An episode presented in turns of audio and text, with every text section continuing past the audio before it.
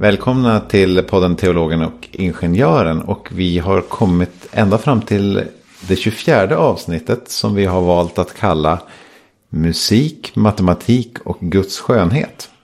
Lite ambitiöst igen tema här känner jag. Fantastiskt. Nu, nu, nu tar vi in hela spektrat här. Ja, men vi har väl aldrig hindrat oss förut. Men Nej. vi har lite bättre förutsättningar än vanligt idag i alla fall. Ja, du menar tack vare vår gäst kanske? Ja, tack vare vår gäst. Ja. Eh, vi är väldigt glada över att Jakob Westbo är här. Välkommen hit Jakob. Tack så mycket. Väldigt kul att vara här. Jakob är ju eh, församlingsmusiker i Linköpings eh, Missionskyrka.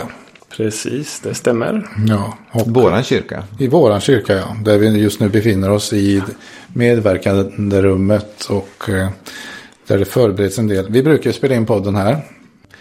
Och vi kan väl säga på en gång att vi tycker väldigt mycket om Jakob och allt det han gör i kyrkan. Så att det är därför vi är väldigt glada över att eh, vi ska få ha en så pass kompetent gäst till skillnad från oss själva på det här ämnet. Ja, och han, han, han leder ju mig. Jag vet att jag är ju med i kören. Det är ju inte du Rickard. Nej, är han hård? Ja, mycket, mycket sträng. Mycket Vad gör du Jakob? Hur säger du till Johan?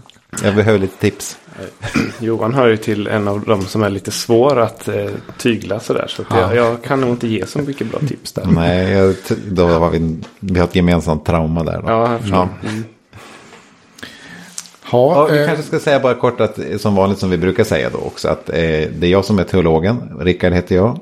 och jag är ingenjören och heter Johan. Eh, Jakob, du kan gärna få presentera dig lite mer än just församlingsmusiker här i Linköping. Mm. Ja, nej men eh, precis. Jag är församlingsmusiker som du sagt här i Missionskyrkan Linköping. Eh, och eh, innan jag kom hit så har jag studerat eh, vid eh, Musikhögskolan, eller som det heter Högskolan för scen och musik vid Göteborgs universitet. Och jag har en organistexamen därifrån. Um, Så det är väl lite grann om eh, min yrkesmässiga bakgrund. Mm. Och eh, har ju förutom att du står för mm, ledarskapet i, i eh, all musikutövning här i församlingen också så sticker du ju in lite sådana här kommentarer när vi har eh, körrepetitioner. och sådär. Då är det alltid någon liten sån här fun fact om musikaliska abrovinker eh, som eh, inser att det finns mycket där bakom som, som vi vanliga dödliga inte riktigt begriper. Ja, Nej, men jag tycker det är kul att eh, på något sätt bredda kunskapen. När man, jag har uppskattat det själv när jag har sjungit i kör. Att man vet lite mer om varför det är komponerat som det är. Eller, och sådär. Eh, så att det, det är ju ett ämne som eh, har intresserat mig- mig väldigt mycket. Men det är också ett väldigt stort ämne där det finns väldigt många som kan väldigt mycket om det här. Och jag känner kanske egentligen att jag inte är en, en, en av dem som kan väldigt mycket. Men jag tycker det är väldigt kul i alla fall. Du eh, är definitivt kompetent för att vara med i den här podden kan vi säga. Eh, och eh, Det är väl också, när, vad heter den här kurvan, där man inser hur inkompetent man har- är. Först tror man att man är kompetent fast man kan bara lite grann och sen så när man blir mer kompetent så inser man hur lite man kan. Den heter, Ja, just det. Men det har jag hört talas om. Känner igen. ehm, jo, Dunning-Kruger-effekten heter det ju.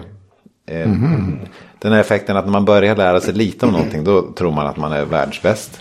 Och ja, ingen ödmjukhet alls. Men sen när man kan ganska mycket eller väldigt mycket om någonting då inser man också hur lite man kan av allt man skulle kunna. Så då blir man lite mer ödmjuk och försiktig. Så du är på den nivån tänkte vi, tänker vi oss. Ja, det låter Ja. bra. Mm. när Rickard och jag har tänkt lite grann på teman för den här podden där så är det ju uppenbart att i eh, det teologiska och i kyrkliga sammanhanget så är ju musiken otroligt central. Det skulle vara oerhört svårt att tänka sig eh, ett församlingsliv och ett gudstjänstliv framförallt då utan musik, i alla fall för mig. Eh, men så kommer man ju på att ja, men det finns ju både teologiska aspekter förstås om musiken men också lite matematiska aspekter och därför så tänkte vi nu föra in samtalet på, på det temat. Ja, vi brukar alltid inleda de här poddarna med någon typ av eh, bibelord. Och, eh, fast jag skulle faktiskt vilja backa till eh, långt innan Bibeln också, bara som ett litet inpass. Eh, det finns ju många som funderar på hur vi människor fick så pass komplexa talorgan. För vi kan ju göra väldigt mycket mer ljud än de flesta andra djurarter. Och då är ju en teori att eh, vi utvecklade en komplext tal efter, när vi fick ett ökat behov av att prata för att vi liksom fick språklig förmåga och symbolisk förmåga och, och sådär. Men en del forskare menar att det är faktiskt helt tvärtom. Att eh, steg ett var att vi fick förmågan att göra komplexa ljud. Och för att kunna sjunga för varandra när vi var någon typ av människoapor. Jag kommer inte ihåg exakt vilken eh, art. Och det här sjungandet var lite grann att man skulle flörta med varandra och, och liksom sjunga vackra sånger. Ungefär som fåglarna som sjunger för, för varandra under parning. Och också att hålla ihop som grupp och sådär. Och sen i nästa steg när vi människor lärde oss abstrakt tänkande och symboliskt tänkande och började förmå, förstå språk. Då kunde vi använda oss av de här eh, ljuden för att eh, formulera ganska komplexa ljudbilder då, som var väldigt praktiskt då, just när man skulle kommunicera med språk. Vi skulle ju kunna ha blivit sådana varelser som kommunicerade med händerna eller någonting annat också. Men vi hade väldigt bra talorgan eh, då. Och då kanske vi just blev duktiga till slut på att göra ljud som skänkte välbehag i någon mening. Ja. Och det kanske är det som är musik. Ja, men i, i vilket fall så jag tror att det, oavsett hur det är med ordningen mellan språklig förmåga och musikförmåga så det ligger väldigt, väldigt djupt i oss att uppskatta musik. Mm. Tror jag. Mm. Mm. En känd regissör i ett sommarprat ställde ju frågan varifrån kommer musiken? Vet du vem? Nej, vet du? Nej, men jag känner igen det. Ingmar Bergman eh, på, på sin åldershöst eh, hade brottats med denna fråga. Varifrån kommer musiken? Och det är ju så att vi människor kan man säga har ju väl. Det är mycket vi är ensamma om, eh, också musiken.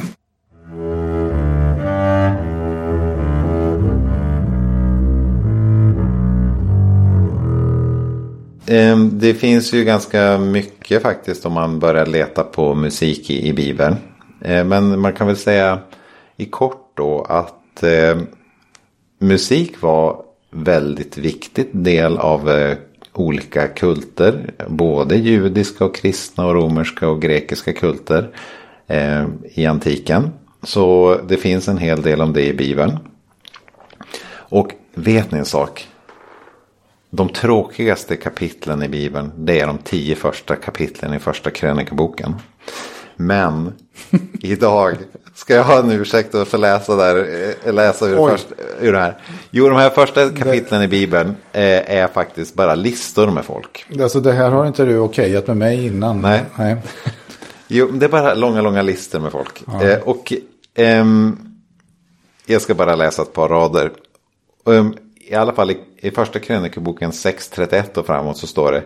Detta är de av da, detta är de som David gav i uppdrag att svara för sången i Herrens hus när arken hade fått sin plats där. Eh, Tills Salomo hade byggt Herrens hus i Jerusalem fullgjorde de denna tjänst framför uppenbarelsetältet, boningen och de utförde sina uppgifter enligt den ordning som gällde för dem. Detta är de som med sina söner fullgjorde denna tjänst. Av Kehats släkt Heman, sångaren, son till Joel, son till Samuel. Så, jag ska inte läsa vidare här. Och, och sen så kommer det liksom ett par verser senare då. Eh, här, väldigt lång släktlista här. Eh, denna Hemat, sångaren. Och sen så kommer det vidare. Asaf, sångare, liksom Heman. Som stod vid hans högra sida. Son till Berekia, son till Shima och så vidare. Och så vidare. Eh, det jag vill säga med det här är att i de här långa listorna som finns i första krönikaboken över personer som var viktiga då, eh, för, eh, för templet och, för kulten så, så var det viktigt att lista sångarna och deras eh, släktlistor. Så det, det ligger långt tillbaka i tiden. Så, eh, sen får vi komma ihåg att första krönikebok är skrivet efter exilen. Så att, och det skriver då om vad som sägs vara för Davids tid. Så vi vet ju inte riktigt om de här uppgifterna går ända tillbaka till Davids tid. Men de som skrev den här texten, de, är, de uppfattar i alla fall själva det här med att, att det ska vara musik i templet. Det är sedan gammalt. Så har det alltid varit. Mm. Ända sedan Davids tid. Den andra biten som jag skulle vilja läsa. Det är kanske den eh, kanske kändaste texten ur Nya Testamentet om eh, om hur det ska gå till på gudstjänsten. Eh, och eh, det är hämtat ur Efesierbrevet 5. Och sammanhanget är att de ska vara visa i världen. Och inte bete sig på ett märkligt sätt som, eh, som många andra gör. Och i det här sammanhanget så säger, de, säger han så det här om gudstjänsten då. Berusa er inte med vin, där börjar lastbarheten, utan låt er uppfyllas av ande och tala till varandra med salmer och hymner och andlig sång. Sjung och spela för Herren av hela ert hjärta och tacka alltid vår, vår Gud och Fader för allt i vår Herre Jesu Kristi namn. Mm. Sammanhanget här är ju då att förutom de offentliga tempelkulterna så de kristna samlades i hemmen och det fanns ju ganska många andra kulter runt den här tiden. Alltså som var som ja, frivilliga föreningar skulle man kunna kalla som också samlades i hemmen. Men de kunde till exempel dyrka Bacchus, eh, det vill säga vinguden. Mm. Och det var ganska populär kult. Mm. Och, och då var det ju så här, där skulle man ju berusa sig med vin för att uppleva Bacchus. Mm. Såklart, det var en andlig teknik kan man säga. Mm. Så här i kontrast till det säger han, nej men när ni träffas i gudstjänst ni ska inte berusa er med vin utan ni ska, berusa, ni ska uppfyllas av heliga ande. Och som ett uttryck då för att de är uppfyllda av heliga ande så, eh, så spelar de salmer och hymner och andliga sånger. Så här kan vi se då att redan i den tidigaste kyrkan så var musiken en viktig del av eh, de gemensamma samlingarna och gudstjänstlivet. Mm. Så det är väl ett ämne som minst sagt är väl förankrat i kristen tradition att prata mm. om musik. Ja. Absolut, och man, man ägnar sig åt gemensam musik. Eh, det var inte så att man tog hit en trubadur, utan man, man gjorde det tillsammans. Ja. Ja, det vi vet är väl från an, andra texter som har att göra med hur det gick till under så här samlingar där man åt middag till någon Guds ära. Det var ju att det kunde vara ganska vanligt att det kom in flöjtister och sådär och spelade. Eller, och, och, ofta slavar och sådär. Men i, i, den tidiga kristna kyrkan så, så verkar det ha varit eh, mer fokus på den gemensamma sången. Vi kan inte säga med säkerhet att de inte hade solosång eller sådär. Det vi däremot vet om vi går fram till 200-talet, eh, eh, Clemens av Alexandria då tar han avstånd från vissa typer av eh, mera soloinriktade eh, typer av musik och säger att det som kännetecknar den kristna gemenskapen det är att vi är ett i Kristus så vi ska sjunga gemensamt. Säger mm. Så det utvecklas en sån tanke runt 200-talet. Sen har ju inte kyrkan hållit fast vid det i alla tider men det är ändå lite intressant. Mm. Mm.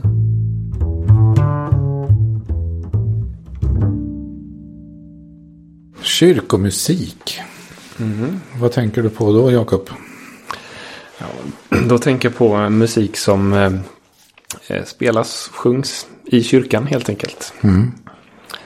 Men, har, men jag tänker på att du kanske tänker, eh, du har en favoritperiod i, i historien när det tog stora kliv i det här området. Ja, nej men eh, om man eh, nämner ordet kyrkomusik så eh, finns det en tonsättare som eh, man ganska snart associerar till. Om mm. det är det du tänker på. Det är ja. ju Johann Sebastian Bach såklart. Mm. Ja. Det var ju klart att det hände ju väldigt mycket kring kyrkomusiken under hans tid. Och man kan ju nästan säga att han på något sätt krönte att det var någon, vad, vad kallar man det, hög jag, jag, är ju musiker så att jag brukar säga det att jag, jag hittar inte alltid orden. Det, var därför jag blev musiker och inte talare. så. Men eh, ja, vi kan ju redigera lite efter. Ja. Det, det gör vi alltid. Ja. Att, men Johan Sebastian Bach då, det råkar väl... Eh, många tänker på det, men jag tror att du också tänker på det. Du eh, har ett visst specialintresse. Ja, nej men absolut. Eh, och, och, som organist så eh, är ju Bach en centralgestalt. Så att eh, man kan ju inte ha gått igenom en organistutbildning utan att ha fått sig en rejäl portion Bach. Det är ju eh, dels fantastisk musik på många, många sätt. Men det är också väldigt utvecklande att eh, studera hans musik. Eh, dels för det egna spelets skull men ja. Sen, sen är jag extra fascinerad av, Bach också för att jag tycker att han är en väldigt intressant person som hade väldigt mycket teologi och, och, tänkte mycket på teologin när han komponerade. Man mm. vet att Bach var väldigt teologiskt intresserad för att det kan man se i hans bibliotek. Det var väldigt mycket teologisk litteratur mm. i den också. Mm. Um, och det tycker jag är lite intressant just uh, hur man kan se hans teologiska tankar i musiken. Mm. Även instrumentalmusiken. Även instrumentalmusiken? Mm, precis. Mm. Ja. Intressant för han kallades för den femte evangelisten. Eller? Ja, alltså han kallades nog inte det då. då. Men eh, man, han har ju kallats det eh, efter sin tid. Och, eh, han var ju lite eh, bortglömd ett tag och kanske han var definitivt ett stort namn inom musikvärlden under sin tid. Men han var kanske inte den störste. Eh, så det sägs att när Bach dog så fanns det en notis i någon tidning där det stod att Eh, fadern till de berömda komponisterna Bach har avlidit. Alltså Bachs, mm -hmm. man syftar på Bachs söner då som mm -hmm. skulle varit mer kända. Jag okay. vet inte riktigt hur det är. Men eh, sen, ja. sen var ju Bach bortglömd och eh, lyftes fram eh, av eh, Mendelssohn kan man säga. Han hade en viktig roll för att liksom ta fram Bachs musik. Utan Mendelssohn hade nog inte Bach kanske varit så känd idag som han är nu. Ja, just ja. ja. Men som sagt, teologi, eh, musik och sen så matematik. I mm. vilken ände ska vi börja? Ja, nej, men musik handlar ju väldigt mycket om att eh, intonera rätt och liksom sjunga rent som man säger lite förenklat. Och mm. eh, det kan man väl kanske börja med att ställa sig frågan vad är, vad är det att sjunga rent? Vad är ett rent intervall om man talar musik? Och det kanske du vet någonting om som matematiker. Ja, det skulle man kunna fundera på. Det är ju så här då att eh, intervall till att börja med. Det är alltså att två toner låter eh, skönt ihop. Mm. Ja. ja. Eh, och vilka intervall, vilka sådana frekvensskillnader är att föredra. Tydligen så finns det någonting med örat som och där man upplever att vissa intervall är liksom trevligare att lyssna på än andra. Och då visar dessutom att det är typiskt att de där intervallen och frekvenserna eller våglängderna kanske man ska säga, skillnaden där har typiskt då med bråktal och, att göra. Eh, så för jag också funderar på vad är det som gör att vissa frekvensintervall låter schysst ihop. Eh, om vi tar det enkla fallet då, en oktav. Mm. Det är ju en, om man tar en sinus, en ton som antar att den är en ren sinuskurva, då är ju oktaven uppåt där, då är ju det dubbla frekvensen. Och då om man tittar på en sån eh, sinuskurva så kan man säga då att eh, den tonen över den, den hinner med att svänga två varv. En sväng uppåt och en sväng neråt på samma sträcka som, som grundtonen där. Och sen så eh, slutar ju den tonen, den högre tonen med att den möter nollan i något slags eh, diagram på samma ställe som grundtonen där. De, de svänger tillsammans men möts på slutet där till en till en gemensam grej. Så det är därför det är så lätt för oss att uppfatta som att de här passar ihop med varandra. Därför att de går kan man säga, i takt med varandra. Den ena går exakt dubbelt så fort som den andra. Precis. Och om man nu tar liknelsen med en eh, legobit. Rickard är van att jag försöker hitta mm. metaforer här. Så är det som så att eh, eh, om man tar en, en legobit så gäller det då att eh, om man skulle sätta två likadana bitar ovanpå den legobiten då, ska, då gäller det då att de legobitarna som man sätter på där är precis dubbelt så snabba eller halva längden så. Och det är ju alltså då ett, ett ren, en ren eh, oktav, ett rent intervall. Då går det här jämnt ut. Ja. Och, och för örat då så upplevs det ju som att eh, så att säga eh, tonen står still. Mm. Precis. Och det är ju det som man kanske som musiker då lyssnar efter. Ja. Vi kan komma tillbaka till det med stå still. Jag har en teori. Men är olika människor olika bra på att höra när det står still? För jag, jag kan väl höra det tror jag. Men en del verkar inte kunna höra det. Och en del jag har väl sånt här, vad heter det, absolut gehör. Där man stör sig på minsta lilla fel i det där. Ja, precis. Jo, men man har ju absolut olika förmåga till det där. Eh, mycket kan man ju träna upp, precis som med all annan färdighet. Eh, när det kommer till eh, absolut gehör så är ju det lite speciellt. Eh, och det, egentligen kan jag inte så jättemycket om det. Men, men på något sätt så måste man ju ändå lära sig det. Eh, och det som, eh, alltså man kan ju ha, eh, säg att du är uppvuxen med ett piano som är en halv tonsteg lågt. Och så har du absolut Ja, gehör. Då kan du ha alltså, absolut gehör i förhållande till det pianot som du är uppvuxen med. Så du kan liksom ha ett falskt. eh, Så det, så det finns en kulturell komponent i vad man lär sig ska vara absolut rätt. ja, absolut ja. Och, och det, det kommer vi in på lite senare i det här avsnittet. Just det här med eh, stäm, olika stämningar och tempereringar. Så vi har inte medfödda stämgafflar i huvudet någonstans. Nej, det, alltså, jag har ju inte forskat eh, och, och sådär. Men, men nej, nej. Men en sån grej låter ju, alltså just det här med att en, en ton är exakt dubbelt så lång som en annan eller dubbelt så ljus som en annan. Det känns ju tillräckligt basalt för att det ska ligga på, på någon nästan genetisk nivå. Sen så finns det säkert aspekter som Ja, det, det inte- inlärningen ska Ja, vara. fast, fast det, är, det är inte bara det utan som, som jag försökte beskriva här att, att om man rent tänker lufttrycksmässigt av en grundton och att en annan ton då svänger pre- precis dubbelt så fort. Det ger så att säga en harmoni i, i det hela. Man kan säga att det, oj, det finns en, en upprepning. Så. Eh, för om vi nu pratar oktaver. Om man till exempel tar en grundton och sen så säger man istället då att man ökar frekvensen med 50 procent. Då eh, är det ju som så att då kommer det den här den tonen man då får. Den behöver två grundtonsvarv innan de har liksom kommit överens och kommit ikapp och att, att liksom träffa nollan gemensamt.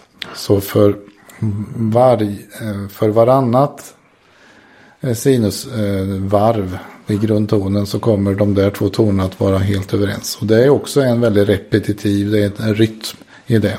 Och just 50% ökning i hertz, det råkar ju då vara kvinten. Eller hur? Ja. det där är ditt område Johan, men absolut.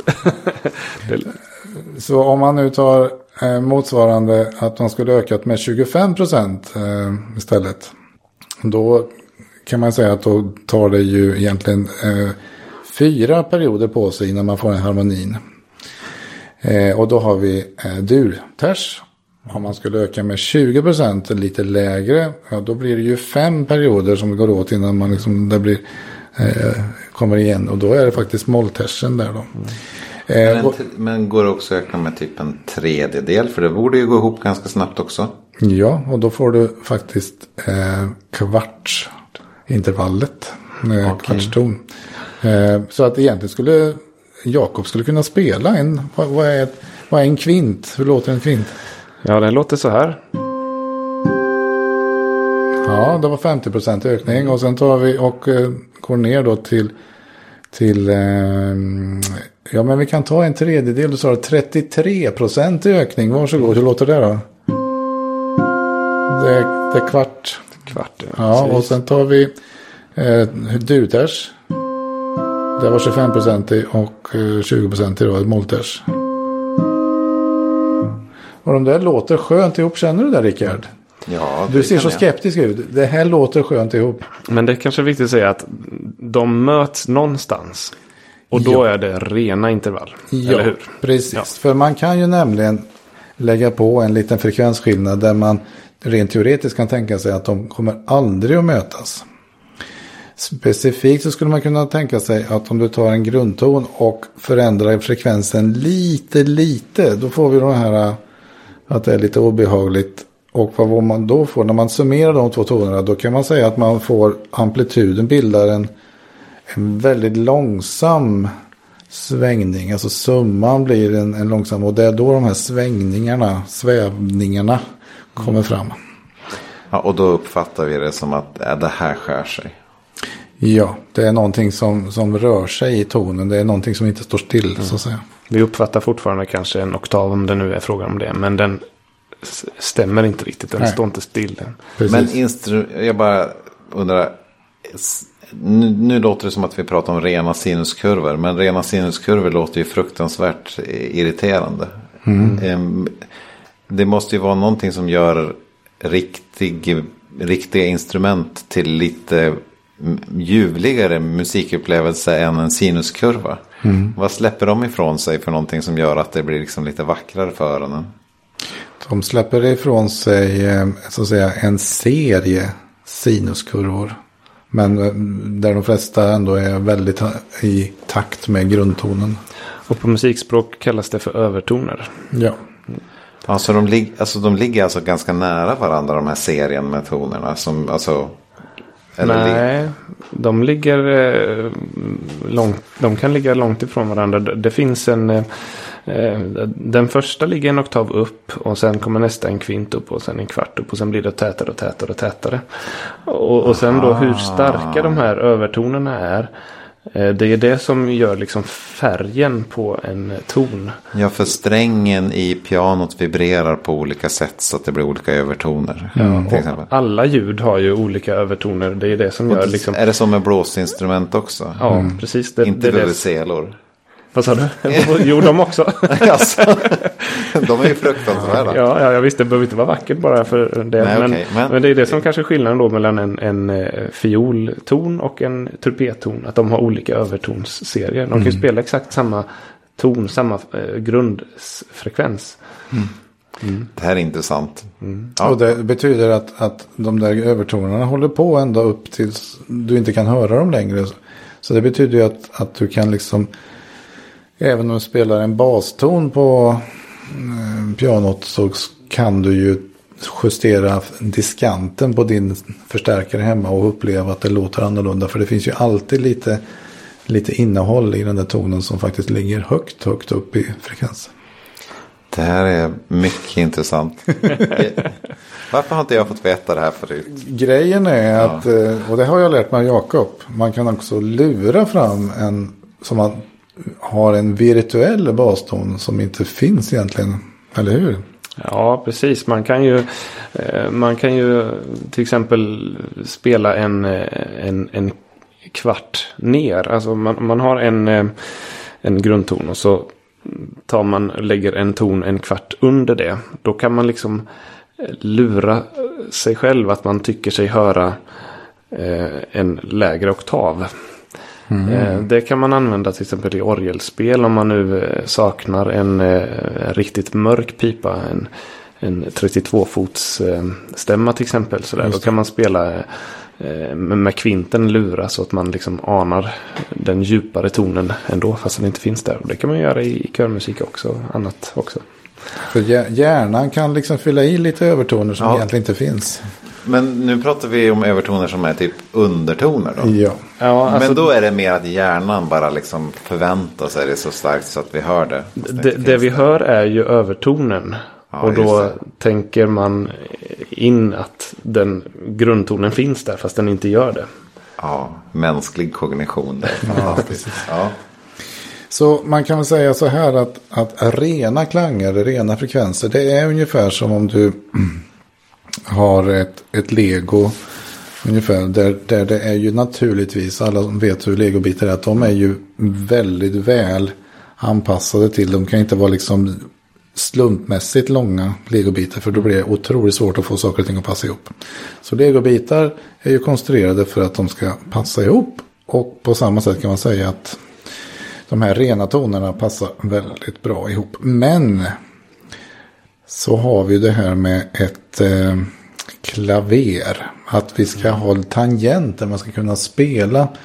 Man ska ha eh, ja, piano med vita tangenter och svarta tangenter. För den visar den nämligen så här att om du har en grundton i C som matematiskt då innebär att du har en viss frekvens på kvinten och så för C. Så skulle det vara väldigt praktiskt om de kvinten och tersen i det också går på något sätt att återanvända de tonerna även ifall man spelar andra tonarter. Och det finns ju ingenting i matematiken som lovar det. Eller hur Rickard? Nu, nu ser han väldigt underfundig ut. nej, nej, fortsätt du. Jag, jag råkar veta att det är så. För det har du förklarat för mig innan, men fortsätt du. Ja, jag menar, och det är ju... Eh, på det sättet så blir de här legobitarna som är nu väldigt väl anpassade. De, det är ungefär som att det, man skulle bara kunna köpa ett lego som är anpassat för att spela i C-dur. Och det går inte att bygga några andra modeller än just det till exempel. Mm. Och därför så har man fått hitta på ett sätt att fila till de här legobitarna så att de går att bygga lite allt möjligt med. Men då, då, då är det lite glapp, eller hur Rickard? Eller ja, precis. Jakob. ja. ja, exakt. Eh, det blir ju problem då när man eh, Alltså om man utgår från C-dur till exempel så eh, C-dur, eller tonen C, eh, den, den, ton som bildar en kvint med C är ju tonen G. Och eh, stämmer man den ren så låter det bra. Men om man då eh, ska till exempel eh, spela en kvint ifrån tonen E.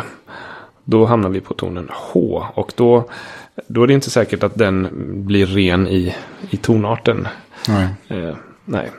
Och det, det, det, är det som är det svåra med klaverninstrument som ju har en fast ton. Jag menar en, en fiol till exempel, den har ju ett grepplös, mm. en, en steglös greppbräda.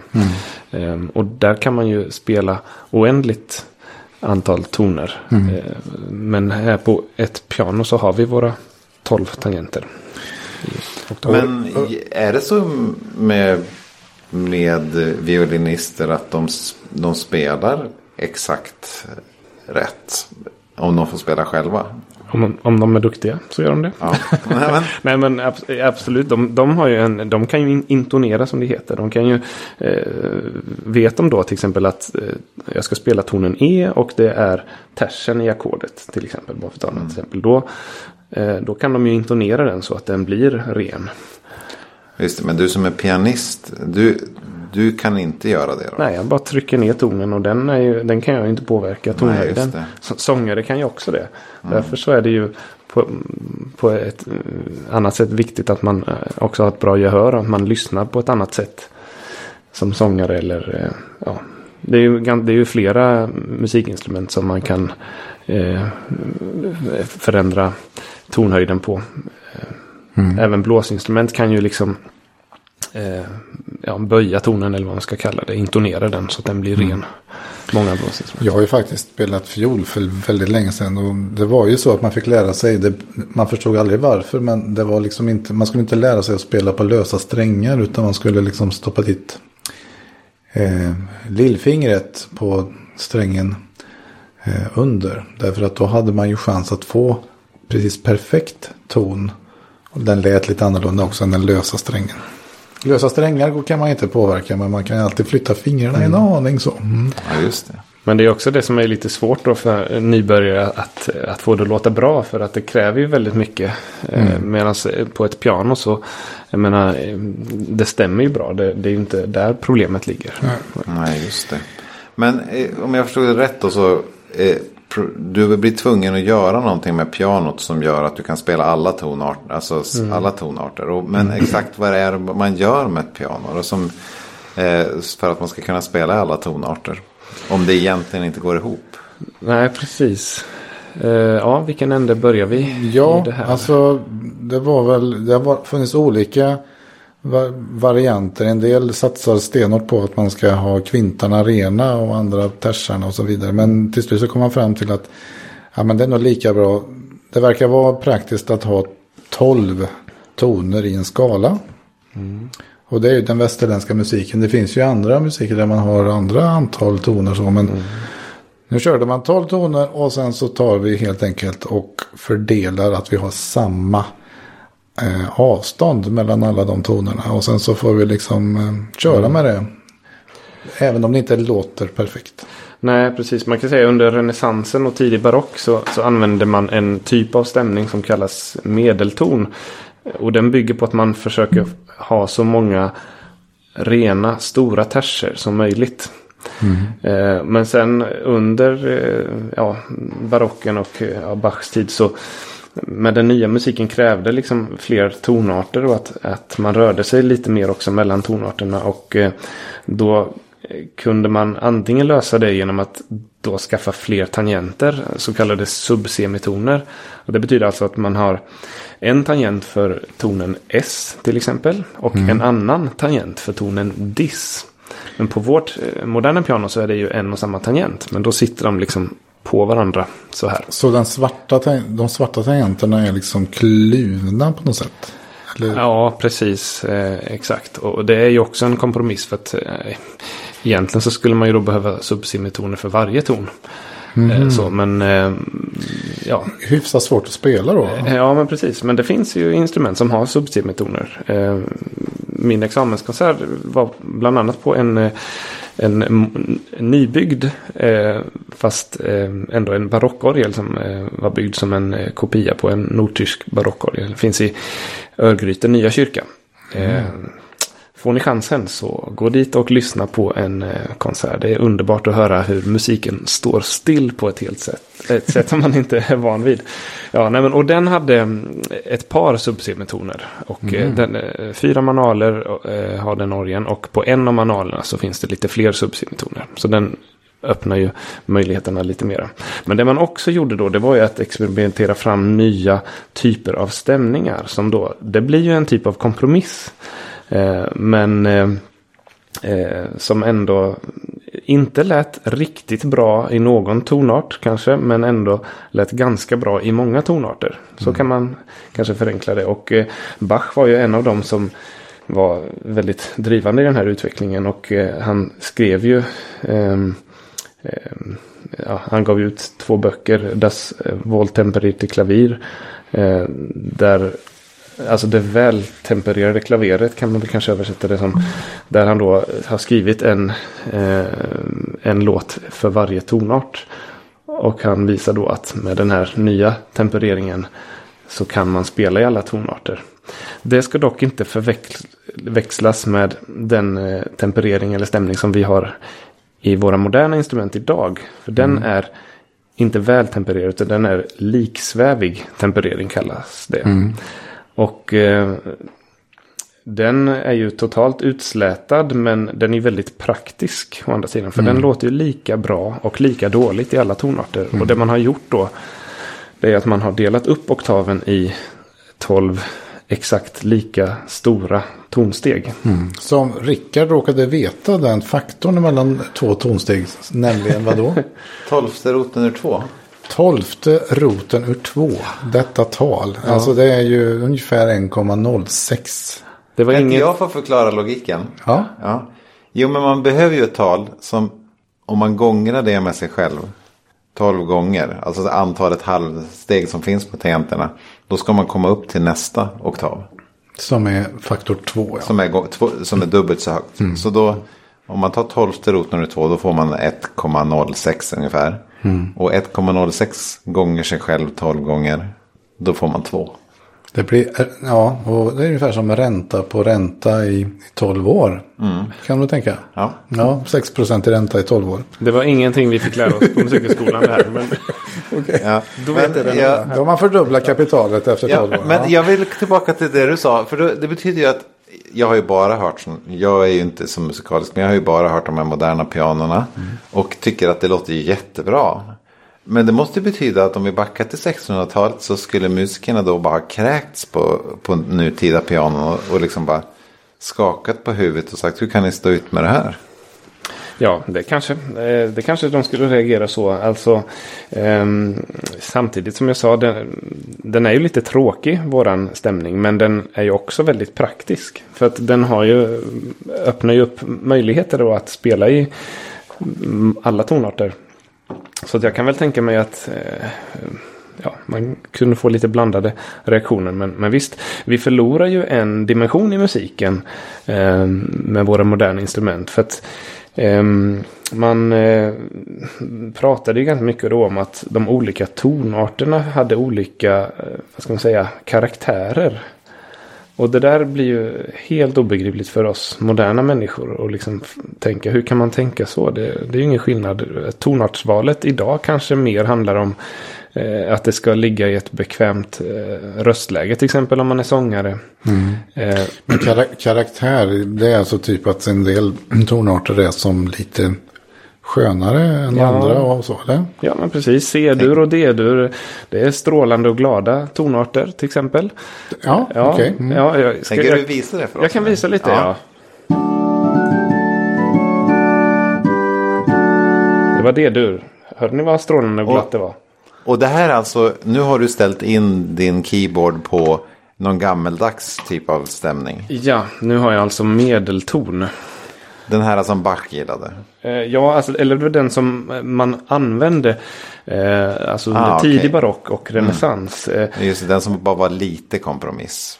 Ja, men Ja, exakt. mm. Och eh, Bach var ju en av de som lite grann utmanade den och försökte Ja. hitta andra. Men, men Ja, just. Mm. absolut. Ja. Ja, och C-dur är ju också då.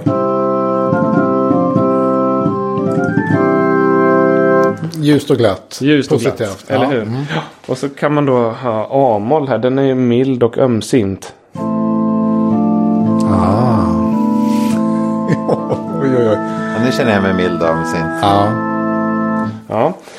Eh, och sen så kommer ju de här, ja, men till exempel C-moll. Den är ju sorglig och mörk. Eh,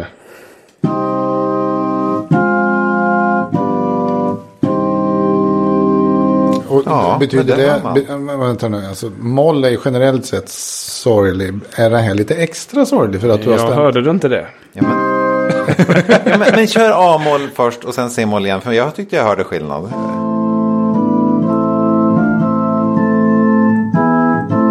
Det var A-moll.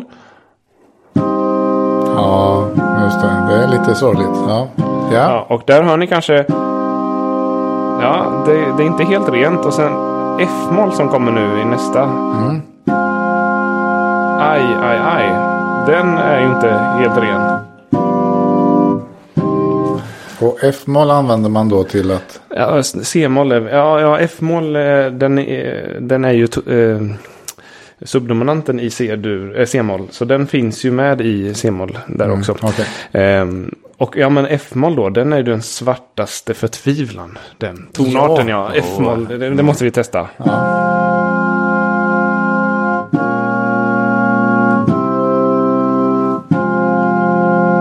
Ja, det är ju inte vackert. Nej. Men man känner att det, att det är en, en mörk scen i en film där det regnar och någon har dött. Ja. Men, men har du det ännu, ännu värre? Nej, F-moll är svartaste förtvivlan alltså. Det, det, det blir inte värre än så. Nej, jag vet inte. Det, det, finns ju, eh, det finns ju många som har tänkt väldigt mycket kring det här. Men, men den, den, stäm, den är ju inte ren den eh, tonarten.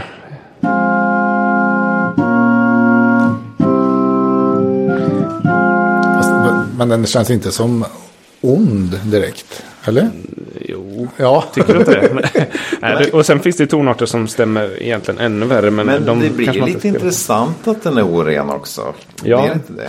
Jo men absolut, för det kan man ju använda i sin gestaltning. Jag menar, eh, om man nu kommer till eh, Eh, till exempel det här med teologin och, sådär. Om man nu ska gestalta till exempel Gud, Fadern, eh, liksom eh, den segrande guden eller något sånt där. Då, då måste man ju ta ett rent härligt C-durackord eller D-durackord som liksom klingar ver- verkligen skönt och vackert. Och om det då ska symbolisera djävulen eller ångest eller någonting. Då, då är det klart, då väljer man ju någonting som faktiskt låter illa på instrumentet som stämmer illa. Då, då får man ju ytterligare en dimension i musiken.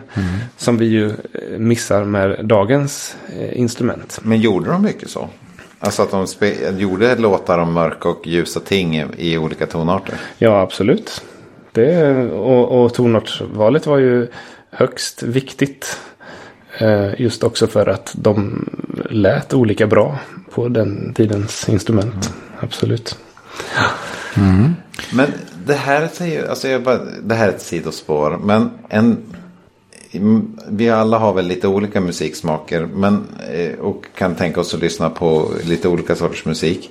Men det är ju ändå en del som dras mera åt eh, musik som är lite mera disharmonisk. Och en del dras mer åt musik som är väldigt harmonisk så. Eh, Kan man säga generellt om att att det har att göra med vilka känslor man uppskattar att bli väckta i en när man lyssnar på musik. En del, menar en del, jag tar på extremen, dansbandsmusik eller death metal. Dansbandsmusik är väl inte känt för svåra eh, toner, toner. Men death metal är ju bara en lång liksom, disharmoni. Eh, och, men det finns ju folk som älskar båda sorternas musik. Är det för att man vill ha olika känslor? Ja, det, det är väl kanske en eh, filosofisk fråga. jag vet inte om jag är rätt person att, att svara på det. Men eh, nej, men alltså alla. Man mår ju bra av att vara glad till exempel. Men eh, någonstans när det blir för glatt då blir man ju nästan äcklad av det.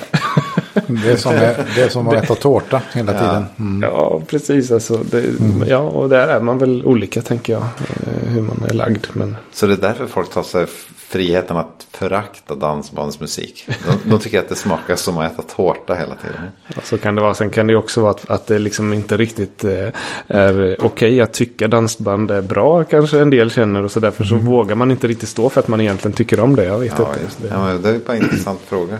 Ja.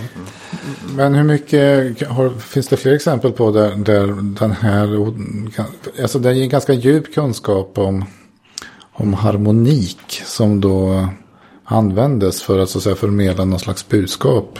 Eh, var det så pass lättbegripligt för åhörarna och att man var van vid det? Och... Ja, man var ju definitivt van vid det. För det var ju det som eh, fanns. Eh, mm. Så eh, jag kan absolut tänka mig att man, man hade en betydligt större medvetenhet än vi moderna människor har. Mm. Det här, alltså just kring tempereringar. Det är ju det är nästan bara människor som som håller på med gammal musik som, som vet så mycket om det här. Man kanske har hört talas om att det finns men det är ju för många är det ju bortglömd kunskap. Mm. Skulle jag ju ändå säga. Just. Men man hade ju fram, för, alltså, överhuvudtaget väldigt mycket symboler och eh, eh, ja, eh, rörelser som man eh, eh, använde för att försätta människan i olika affekter. Affektläran var en väldigt central del av musiken under barocken. Att man liksom eh, med, med, vissa figurer i musiken då eh, tänkte att man kunde förmedla en affekt. Och, eh, affekt, det här, alltså det finns något som heter affektlära. Jaja. Hade du koll på det Rickard? Alltså det måste ju bara betyda läran om hur man eh, får olika känslor. Hur man får olika känslor, eller läran om hur man kommer ur affekten. Är det inte kanske? Nej men affekt är som en, väl en synonym mer eller mindre till känslor. Ja, ja. precis. Mm. Men alltså, vad du säger figurer. Ja, alltså, men är precis. Det, jag alltså- antar att inte att de ritade krumelurer på sina notpapper. Utan figurer betyder någonting annat. Det Eh, du har inte, alltså det är inte riktigt så enkelt Richard, faktiskt. För att vissa grejer var ju faktiskt rent visuella i notbilden. Eh, och det är också faktiskt en liten dimension som man kan tappa eh, i till exempel modern notskrift. Då, att den är ju, eh,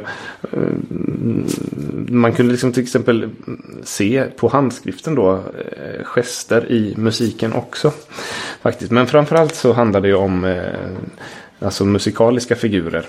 Eh, och där finns det ju de kanske eh, vanligaste eller lättaste att hitta är ju eh, anabasis. Det, det, betyder alltså uppåt, en symbol för en uppåtgående rörelse. Och det var en symbol för seger, himmelsfärd.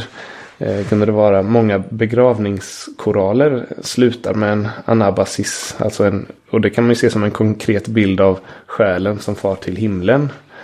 Och motsatsen då, katabasis, nedåt. Och det här måste vi få höra. Kan du? Ja, alltså. Det har jag faktiskt inte förberett något exempel sådär. Mm. Men eh, eh, en uppåtgående rörelse kan ju liksom låta.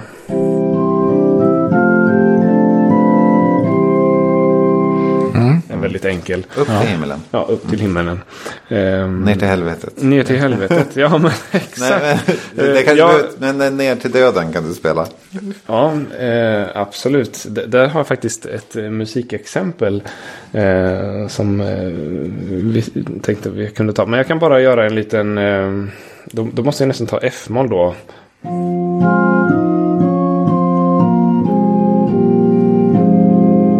Där på slutet lät det riktigt illa. Jag kände, ja. Ja, där vill man ju inte vara. Nej. Man vill ju hellre till himlen. Eller hur? Ja. Kromatik är ju också en sån här grej. eh, Lidande. Eh, ångest, kamp. Eh, kromatik uppåt är det alltså. Och kromatik nedåt kanske då är till och med uppgivenhet.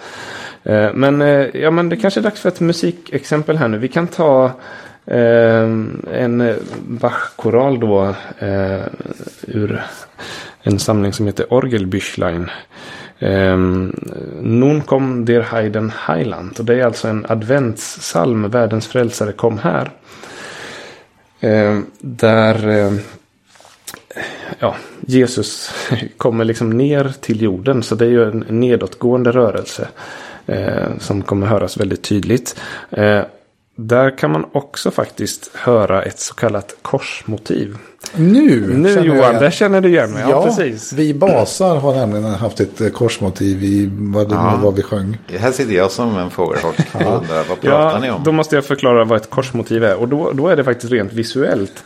Ehm, två eller fyra toner som i notbilden bildar ett kors. Det kan låta till exempel så här. Där till exempel. Ehm, där de liksom eh, i, eh, ja, i notbilden, om man drar ett streck mellan den första och sista tonen i notbilden. Och ett annat streck mellan eh, andra och tredje tonen. Så bildar de ett kors. Nu ska jag förklara för Rickard vad dra streck betyder. Du vet när man var barn i serietidningar och skulle dra en linje Jo, mellan numrerade punkter. Tänk dig nu att man har en notbild med massa eh, noter och sen så tänker du att du har en siffra på dem och att du ska dra en linje mellan dem enligt en. Då plötsligt så kan de faktiskt få fram bilder av musiken. Och i det här fallet var det då ett kors man får fram va? Ja. Kristi kors. Och det är ett väldigt vanligt motiv eh, i, under barocken och Bachan. Men det är ju fantastiskt. Så, men det måste ju bara varit då själva organisten som satt där och ja, det här är fint. Alla andra fattar ingenting. Ja, vet jag inte. Alltså, vi vet ju inte vad de hade för kunskaper. Och till slut, alltså, man kan ju lära sig att känna igen ett korsmotiv rent eh, auditivt. Alltså, man kan Jo, höra det det. sant. Så att, ehm, eh, och, och just i det här exemplet som jag tänkte visa nu så är det ehm, en nedåtgående rörelse. En symbol för Jesu nedkomst till jorden. Och också är det flera korsmotiv redan i första eh, takterna. Så det kan man ju också då eh, se som en eh, förevänd, eller ja, ett, att man förutser redan där Kristi lidande på korset. Så ska vi ta det här eh, exemplet då. Då kommer det här.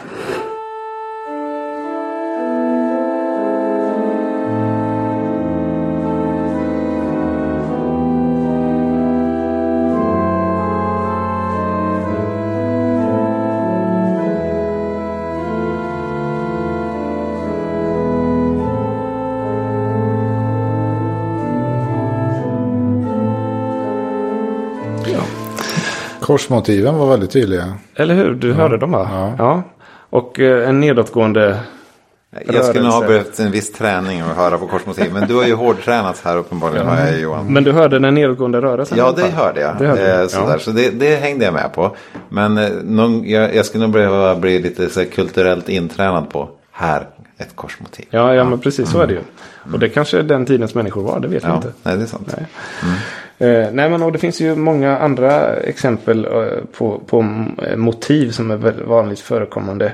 Eh, det finns ett annat som jag också känner att vi måste ta upp också. Det, det heter Saltus durisculus. Saltus. Ja, Och den pratar vi inte kryddan. nej.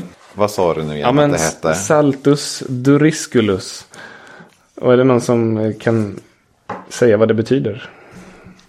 Borde jag kunna för jag har typ basal latin i mitt liv. Men jag kan inte det. Nej, men det ett, kan väl översättas till ett något hårt språng. Och just den här figuren, Saltus durisculus, det är alltså fallande förminskade intervall. Eh, till exempel för, förminskad kvint eller förminskad septima. Och det är, och nu citerar jag Hans Fagius som har skrivit om detta i en väldigt bra bok. Eh, Det är det perfekta uttrycket för fullständig katastrof. Oh, det här ser jag fram emot att få Ja, höra. eller hur? Visst blir man nyfiken. Och eh, här kommer då ett exempel ifrån eh, också Bach då. Durch Adams Fall ist ganz verderbt. Och det hade du en bra översättning på Rickard, eller hur? Ja, eh, genom Adams fall är allt fördärvat. Exakt. Och här då eh, så kommer vi höra i, man får lyssna lite noga efter pedalen. Där finns det eh, fallande förminskade septimor. Och det är alltså då en, ett perfekt uttryck för fullständig katastrof. Och sen är det dessutom så att själva harmoniken i inledningen här, den blir ganska snart fördärvad. Den börjar fint i dur men väldigt snart krackelerar den i moll. Så det här är ju liksom verkligen eh, starka symboler för eh, ja, syndafallet helt enkelt. När eh, ja, mänskligt lidande och ja, allt möjligt. Det här är ju Pe jätteintressant. pedalen, jag ska bara, det är Ja. alltså bastonerna Rickard, det vill bara sticka in där. Ja, precis. Lyssna efter. jag har varit på gudstjänst någon gång. ja, vars var vi någonstans? Nu ska vi, nu ska vi lyssna på förfallet. Ja, Ja, precis.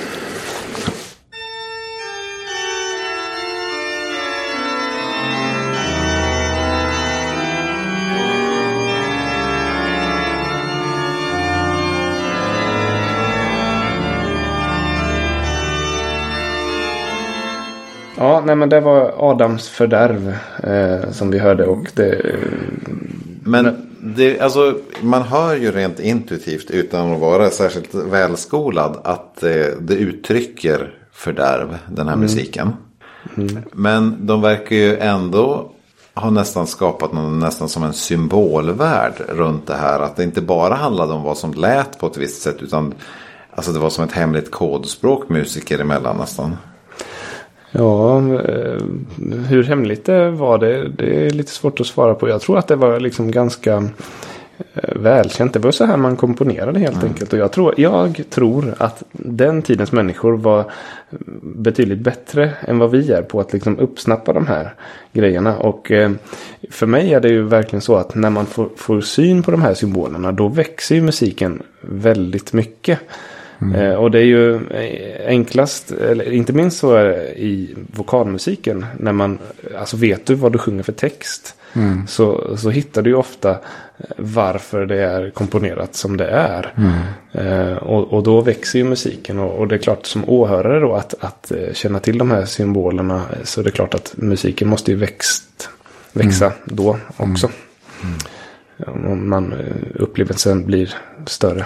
Helt klart. så ju mer kunskap man har och ju mer budskap som inte längre är dolda, desto större blir upplevelsen på något sätt. Ja, precis. Och jag tycker det är lite fascinerande också att man eh, hela tiden kan gräva fram mer. Och det är väl kanske det som gör att eh, till exempel Bachs musik är så slitstark.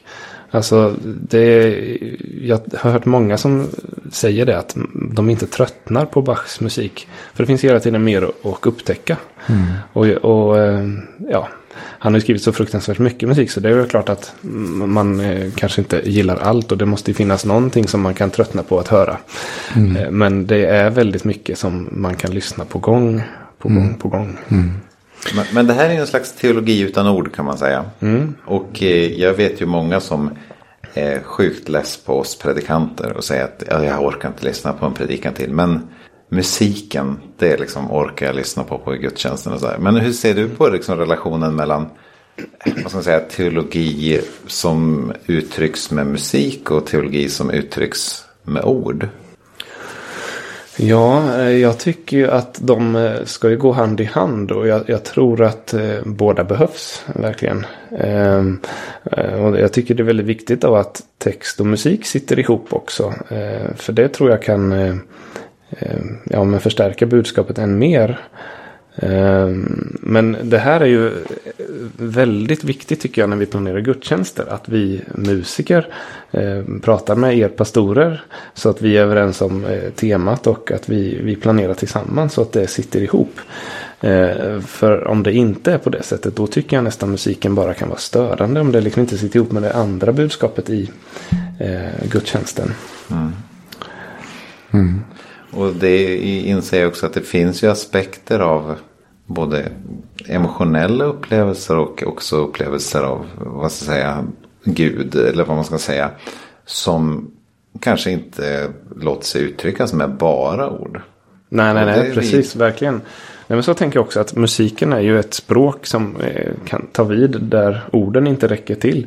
Och det finns ju andra sådana språk, eh, bildkonst till exempel och dans och ja, men allt möjligt. Men eh, jag tycker att vi verkligen eh, måste ta tillvara på det här och eh, uppmuntra folk att uttrycka sig på det här sättet. För, för, det, för mig är det verkligen så att eh, jag kan verkligen uppleva en, en andlig eh, fördjupning eh, och ja, men, upplevelse av att lyssna på musik. Och speciellt om man kanske vet textligt innehåll, vad, vad det står för eller, ja, eller vad det symboliserar. Det kan verkligen förstärka, tycker jag. Mm. Det är ju en intressant aspekt att eh, musiken då tar vid där, där orden slutar på något sätt. Och jag tänker på ämnet vi hade i en tidigare podd, Cognitive Science of Religion. Eh, där det visar sig ju då att en, en meditativ andlig eh, upplevelse hos en person och så har man tittat på hjärnans aktivitet så visar det sig att stora, större del av hjärnan är aktiverad än i ja, aktiviteter av typiskt vardagsliv eller studier eller sådär. Och det kanske är som så att musiken eller andra estetiska uttryck skapar liksom mer, trycker igång nya områden i hjärnan och på det sättet så får vi en större helhetsupplevelse. Ja, och det gäller väl inte bara i, i vad det gäller att erfara Gud utan att erfara också andra medmänniskor. Vi har ju märkt det nu när vi har tvingats att ha alla dessa webbkonferenser på grund av att ingen får resa någonstans. Det är att, ja, det går att ha webbkonferens. Det är en, stor, en bra början att man får höra varandras röster i alla fall. Det är mycket bättre än att bara få skriva till varandra. Det hade ju varit katastrof, det vet jag ingen som har försökt. Eh, jo, det försöker man ju med e-post och sådär, men det skapar mycket frustration. Det blir ännu lite bättre av att man sätter på webbkameran och får se, se varandra lite grann. Eh, och menar både ljudet från de andra människorna och, och liksom att få se deras ansikten. Det är ju estetiska upplevelser av de här människorna. Det tillför ju ingen ny ordinformation egentligen i jämförelse med att chatta. Eh, men det blir ju så en enorm skillnad på hur bra det går att föra mötena. Både hur, hur mycket man tycker om varandra efteråt men också hur man får någonting avhandlat. Det är så... Alltså, om, om man ser varandra samtidigt. Ja, precis. Ja, ja, men fast samtidigt så kommunicerar vi ju också. Så man nickar ju och man ser ju hur folk reagerar på det man Ja. säger. Om man nu kommer ett förslag så, så visst sker det mycket kommunikation som man inte skriver ner. Men ja, och så just nu, och nu, nu sitter vi faktiskt alla tre i samma rum. ja, Och det är ju det allra bästa. För nu uppfattar vi väldigt mycket hos varandra. Mm. Vi har extra långa kablar emell- emellan oss. Exakt. Mikrofoner med, som tar in på långt avstånd. Ja.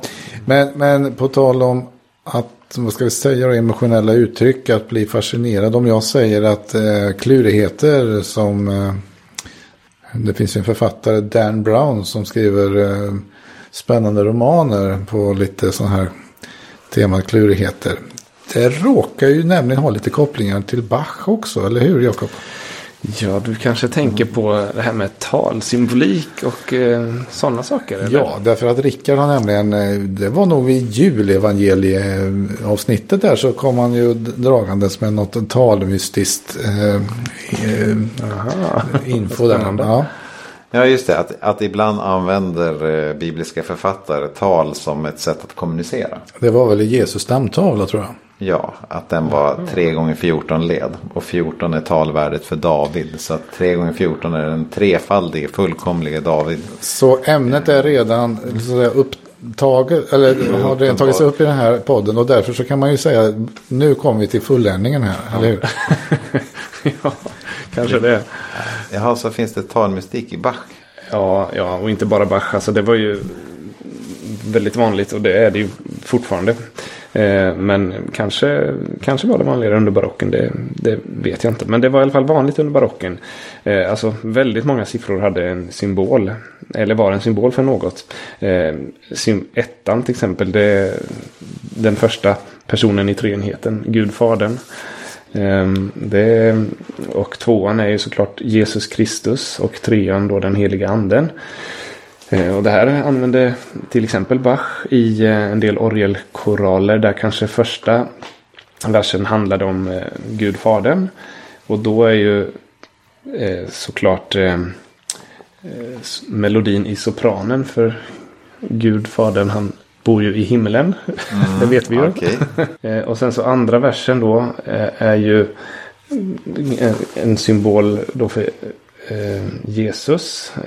Och då är Jesus är ju den medlande rollen mellan himmel och jord. Så då hamnar han ju lite mitt emellan då. Då kan ju melodin ligga i tenoren till exempel. Eh, det är ju lite intressant. Undrar om Jesus var tenor i röstläget. Ja. jag tycker jag vill bestämma att han var. Ja, det tror jag också. känner inte att vi kan bekräfta att eh, tenorer är himmelska. Men i alla fall. Ja. Mm. Nej, det är ju ofta lite rivalitet mellan tenorer och baser. Och ja. du är ju bas Johan. Yep. Så, ja. Mm. Men ja, eh, då kan vi gå till basarna då. Ja. Nummer tre. Yes. Det är ju då den helige anden. Och då kanske tredje versen eh, skulle symbolisera den helige anden. Och då är ju melodin såklart i basen. Mm. För anden mm. är ju här nere på jorden. Det är ju mm. vår hjälpare. Mm. Det är ofta en, kunde ofta vara en livlig eh, vers. Som då kanske är en symbol över andens vind som blåser över världen. Eh, ja, och ofta så var även eh, den tredje versen i tretakt. Kanske som en mm. sammanfattning av, av tre, treenigheten. Då. Okay. Och sen finns det ju en mängd andra eh, symboler eh, där fyra kanske är eh, Eh, den profana världen i motsats till den gudomliga då. Fyra evangel evangelier, fyra element. Eh, talet sex. Eh, Gud skapade himmel och jord på sex dagar. Så det är en symbol för ett fullbordat arbete. Eh, Bach skrev till exempel sex Brandenburg-konserter, sex triosonater och så vidare. Så då, då liksom har man fullbordat det om man gör sex stycken av det där. Och det är ju, alltså det är inte, nu pratar vi väldigt mycket om Bach, men det är ju inte specifikt för ja, Bach. vi kan hålla oss till Bach. Vi kan hålla oss till Bach, mm. ja. mm. Men råkade inte han ha ett väldigt lämpligt namn också? Ja, absolut. Alltså nu, nu pratar vi, det här är en kille som, det, det är genomtänkt. ja, och då kommer vi in på kabbalistik. Känner du till det Rickard? Ja, judisk mystik. Ja, precis. Ja, jag är ingen expert på kabbalistik, men det, det var ju stort från medeltiden och framåt. Ja. Mm. Och, och, vad var det man sysslade med då? Ja, det var allt möjligt. Men eh, en av de sakerna som är ju det här ämnet som vi pratar om nu. Det är ju talmystik. Olika typer av sätt att räkna på. Bokstäver och eh, eh geometriska figurer och allt möjligt. Och sådär som ingick i, i den mystiken. Mm, precis. Och ja, men just talalfabet var ju Eh, något som eh, man eh, höll på med en del. Och Bach har ju som du sa Johan ett lite kittlande namn. Mm. och då ett talalfabet det kan man ju. Det fanns, för det första ska, ska man säga att det fanns flera olika talalfabet. Mm. Men det allra enklaste talalfabetet. Det, eh, då är det så att A, det är första bokstaven i alfabetet. Och mm. då får det helt enkelt siffran 1. Mm. B är siffran 2, ja. C och så vidare. Eh, och sen så ska man också komma ihåg att I och J, de räknades som samma. Mm -hmm. Så att de har båda, vad blir det, A, B, C, D, E, F, G, H, I. Mm. De är nio båda två. Ja. ja. Men om man då tar ordet eller namnet Bach till exempel. B plus A plus C plus H. Det blir alltså 2 plus 1 plus 3 plus 8. Och då får man en summa som är 14. Samma som David. Oj, oj, oj, oj nu! alltså, stopp, där, stopp oj, här. Oj, oj. Nu hände någonting och jag har ingen aning om vad. ja, nu är det mystiskt. Det här, ja, ja det får vi ta ett eget David. 19 nästan. Mm. Ja, fast då får man räkna med det hebreiska alfabetet då. Eh, kung David, eh, alltså, har 14. Enligt det hebreiska alfabetet. Men vi släpper det nu. Ja, ja, vi bara precis. låter mystiken hänga i luften. Exakt. Ja. Bach är alltså 14. Tar man då Bachs initialer också, J.S. Bach. Då får man summan 41. Och det är alltså 14 fast spegelvänt. Japp. Ja, Mm. Nu nu är det lite Ja. Dan Brown-varning här. Ja. exakt. Tar man då Johann Sebastian Bach, alltså hans hela namn. Då får man talet 158. Och då kan man räkna ut tvärsumman av talet 158. Vet ni vad en tvärsumma är? Nej. Nej. Nej. Det är alltså man tar till exempel eh, i det aktuella exemplet nu då 158. Då tar man 1 plus 5 plus 8. Då får man tvärsumman. Och vad blir då 1 plus 5 plus 8? Supermystiskt. 14 igen. Exakt. Ja, Och det här är ju, det måste ju betyda något. ja, exakt. Det kan man ju spekulera väldigt mycket Ja. kring. Men, Men ja, eh, visst. betyder 14 något tungt under barocken? Eh, nej, inte vad jag vet. Det är i alla fall 7 gånger 2. 7 borde, borde ha betytt Ja, men sju är ju en... eh, Det är alltså den gudomliga och den profana världen tillsammans. För sju är ju tre plus fyra. Tre, treenigheten. Fyra, den profana världen. Eh, och det är ju, ja men det kan man ju se som en, ja, en symbol för Gud. Korset, Jesu sju ord på korset. Sju böner i Herrens bön, till exempel. Så att eh, visst, sju var också ett viktigt tal. Så Bach är dubbel fullkomning. Kan vi säga det?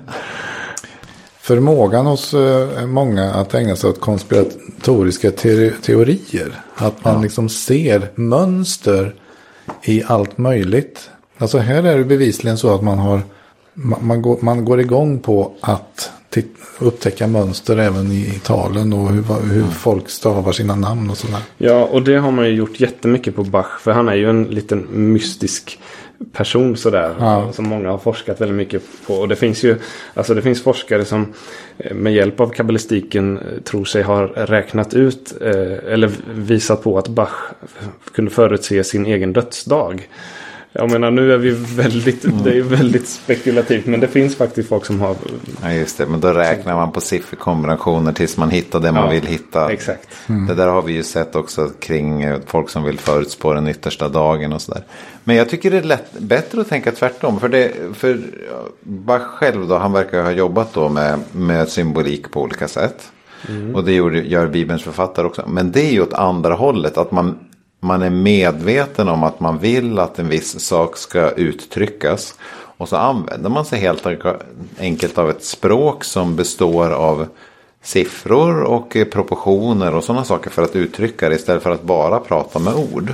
Ja men precis. Eh, Så, så då kan det ju användas då för att konstruera vacker och intressant musik på ett väldigt medvetet sätt. Ja, och tar man då till exempel det första musikexemplet som ni, vi hörde, eh, Non kom der Heiden Heiland.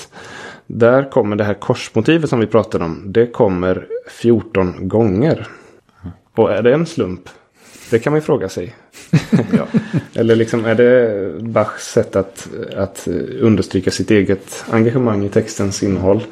Eh, och i det andra exemplet, eh, det här med Adams eh, fall då, syndafallet. Där kommer de här eh, nedåt, eh, de fallande små septimorna. Eh, de kommer eh, 18 gånger. Och det är, ju Adam. Enligt talalfabetet då. Ja, okej. Så det, det, det, sådana exempel vimlade jag av. Just det. Eh, ett annat eh, stort eh, verk som Bach skrev var ju hans H-mollmässa. Där credo-satsen har 129 takter. Och tar man credo då enligt det här talalfabetet så får man talet 43. 3 gånger 43 blir alltså 129. Och det är alltså antalet takter i den eh, satsen. det skulle kunna uttydas då att jag tror på den treeniga guden då. Just, det, om han har gjort det med flit alltså. Och det kan han Ja, ju mycket väl ha gjort. Det kan han mycket väl ha gjort. Men det vet vi inte. Han har inte skrivit det någonstans. Nej, just vad man hittat. Men, men det är ju ganska troligt. Fall. Jag tror det är dags att, att runda av lite grann. Alltså där. Men det är ändå uppenbart det vi, vi har pratat mycket om. Det är ju att det finns något vackert som vi människor behöver för att eh, uppskatta både Gud och livet i största allmänhet i, i musiken. Eh, och där orden inte riktigt räcker till, där musiken kan ta oss eh, till, till någonting mer. Då tänker jag så här att eh, vi skulle vilja avsluta med ett litet stycke. Lite musik, lite Bachmusik. Och är det inte så nu att det är lämpligt att vi tar ett stycke där vi får höra hur det låter med en viss temperering? Ja, precis. Och då kanske vi kan ta den mest extrema då av dem. Just medeltonen, den som man alltså hade under tidig barock. Ehm, och då tänkte jag, då kunde vi ju jag spela lite ur den här Non kom der Heiden Highland. Som vi hade ett litet lyssningsexempel av innan.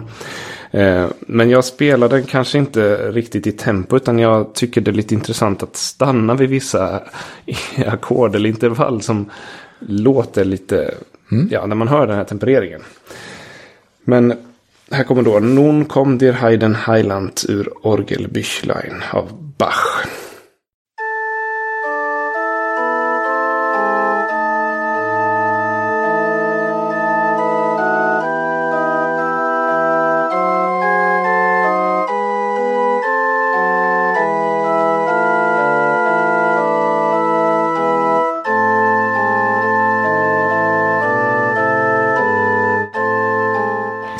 Vi får också säga ett stort tack till dig Jakob. Vi, eh, Det här var ett jättespännande ämne.